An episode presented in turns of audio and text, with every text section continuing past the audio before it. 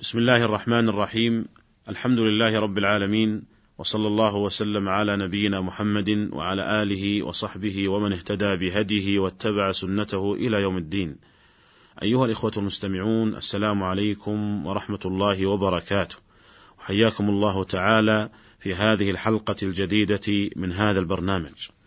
أيها الإخوة كنا قد تكلمنا في الحلقة السابقة عن جملة من أحكام ومسائل الحجر.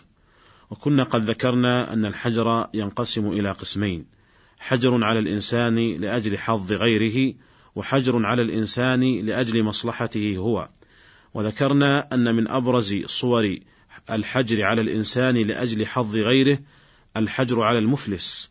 وتكلمنا عن جملة من أحكام الحجر على المفلس ونستكمل الحديث عنها في هذه الحلقة. فنقول وبالله التوفيق الحجر على المفلس قد وردت به السنة فقد حجر النبي صلى الله عليه وسلم على معاذ وباع ماله في دينه. وقد روي ذلك من طرق متعددة يشد بعضها بعضا. وروى مالك في الموطأ أن رجلا من جهينة كان يسبق الحاج فيشتري الرواحل فيغلي بها ثم يسرع السير فيسبق الحاج. فأفلس فرفع أمره إلى عمر بن الخطاب رضي الله عنه.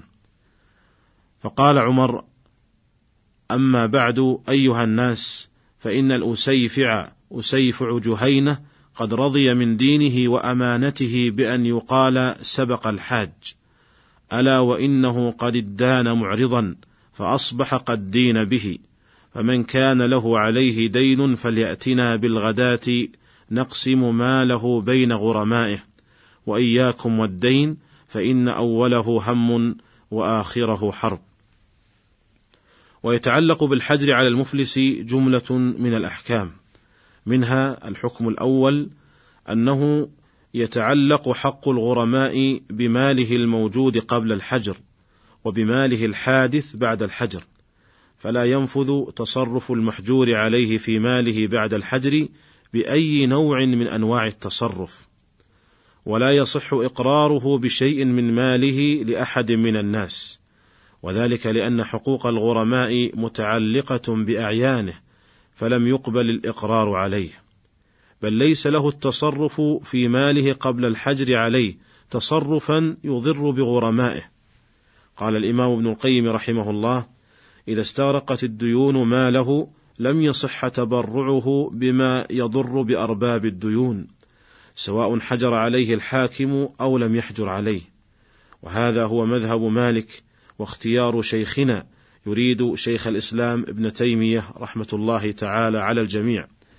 قال وهو الصحيح وهو الذي لا يليق بأصول المذهب غيره بل هو مقتضى أصول الشرع وقواعده. لأن حق الغرماء قد تعلق بماله ولهذا يحجر عليه الحاكم ولولا تعلق حق الغرماء بماله لم يسع الحاكم الحجر عليه. فصار كالمريض مرض الموت وفي تمكين هذا المدين من التبرع إبطال حقوق الغرماء والشريعة لا تأتي بمثل هذا فإنها إنما جاءت بحفظ حقوق أرباب الحقوق بكل طريق وسد الطريق المفضية إلى إضاعتها. انتهى كلامه رحمه الله. وبهذا يتبين أن من كان عليه دين وماله أقل من دينه فليس له أن يتبرع بشيء من ماله لا بهبة ولا صدقة ولا غيرها لأن ماله قد تعلق به حق الغرماء. اللهم الشيء اليسير فقد أجاز بعض العلماء أجازوا التبرع بالشيء اليسير. سئل الإمام أحمد رحمه الله عن المدين هل يتصدق أو لا يتصدق؟ فقال يتصدق بالشيء اليسير كالخبزة وشبهها أما ما يضر بالغرماء فلا يجوز. ومنع بعض الفقهاء هذا المدين حتى من الصدقة بالشيء اليسير وقالوا إن القليل مع القليل يصبح كثيرا ولأن هذا المدين إذا منع من الصدقة كان هذا دافعا له لأن يسعى في وفاء دينه. والعجيب أن بعض الناس تكون عليهم الديون الكثيرة ويفعلون في إكرام الناس ودعوتهم فعل الأغنياء وربما اقترن بالولائم التي يقيمونها للضيوف سرف وتبذير. وهذا خطأ كبير إذ أن قضاء الدين واجب فكان الواجب على هذا المدين أن يسعى إلى سداد دينه فإن الدين أمره عظيم. حتى إن النبي صلى الله عليه وسلم أخبر بأن الشهيد الذي قد باع نفسه لله عز وجل يغفر له كل شيء إلا الدين فالتهاون بأمر الدين ليس من الشرع وليس من العقل.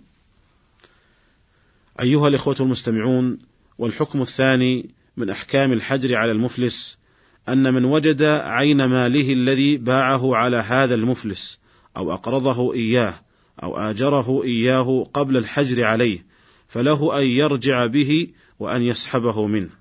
ويدل لذلك قول النبي صلى الله عليه وسلم من أدرك متاعه بعينه عند إنسان قد أفلس فهو أحق به. متفق عليه. وقد ذكر الفقهاء أنه يشترط للرجوع لمن وجد ماله عند المفلس المحجور عليه يشترط لذلك عدة شروط. الشرط الأول كون المفلس حيا إلى أن يأخذ ماله منه، ويدل لذلك الحديث السابق، فإنه قد جاء فيه عند أبي داود زيادة فإن مات فصاحب المتاع أسوة الغرماء. الشرط الثاني بقاء ثمنها كله في ذمة المفلس، فإن قبض صاحب المتاع شيئا من ثمنه لم يستحق الرجوع به. الشرط الثالث بقاء العين كلها في ملك المفلس، فإن وجد بعضها فقط لم يرجع به، لأنه لم يجد عين ماله، وإنما وجد بعضه. الشرط الرابع كون السلعة بحالها لم يتغير شيء من صفاتها. الشرط الخامس كون السلعة لم تزد زيادة متصلة. الشرط السادس كون السلعة لم يتعلق بها حق الغير، فإن تعلق بها حق الغير بأن يكون المفلس قد رهنها مثلا فليس لصاحب السلعة الرجوع، فإذا توفرت هذه الشروط جاز لصاحب السلعة أن يرجع بها وأن يسحبها إذا ظهر إفلاس من هي عنده. قال الموفق بن قدامة رحمه الله: وإن أقرض رجلا مالا ثم أفلس المقترض وعين المال قائمة فله الرجوع فيها. لقوله عليه الصلاة والسلام من أدرك متاعه بعينه عند رجل قد أفلس فهو أحق به. ولأنه غريم وجد عين ماله فكان له أخذها كالبائع. انتهى كلامه رحمه الله. والحكم الثالث من أحكام الحجر على المفلس أن المفلس إن تصرف في ذمته بشراء أو ضمان ونحو ذلك صح تصرفه في ذمته لأنه أهل للتصرف والحجر إنما هو متعلق بماله لا بذمته. ويطالب بما لزمه من ثمن مبيع ونحوه بعد فك الحجر عنه. ونوضح هذه المسألة بالمثال. هذا رجل قد حجر عليه في ماله فذهب واشترى له سيارة بدين في ذمته لا من عين ماله الذي قد حجر عليه فيه فهذا التصرف أعني الشراء صحيح لأن الحجر عليه إنما هو في أعيان المال فقط وأما الذمة فليس عليها حجر ولكنه إنما يطالب بثمن تلك السيارة بعد فك الحجر عنه. الحكم الرابع أن الحاكم يبيع مال المفلس ويقسم ثمنه بقدر ديون غرمائه الحالة لأن هذا هو المقصود من الحجر عليه. ويترك الحاكم للمفلس ما يحتاج إليه من مسكن ومؤونة ونحو ذلك. وأما الدين المؤجل فلا يحل بالإفلاس ولا يزاحم الديون الحالة لأن الأجل حق للمفلس فلا يسقط كسائر حقوقه. ويبقى في ذمة المفلس ثم بعد توزيع ماله على أصحاب الديون الحالة فإن سددها ولم يبق منها شيء انفك عنها الحجر بلا حكم حاكم لزوال موجبه. ولكن إن بقي عليه شيء من ديونه الحالة فإن الحجر لا ينفك عنه إلا بحكم الحاكم لأنه هو الذي حكم عليه بالحجر فهو الذي يحكم بفك الحجر عنه.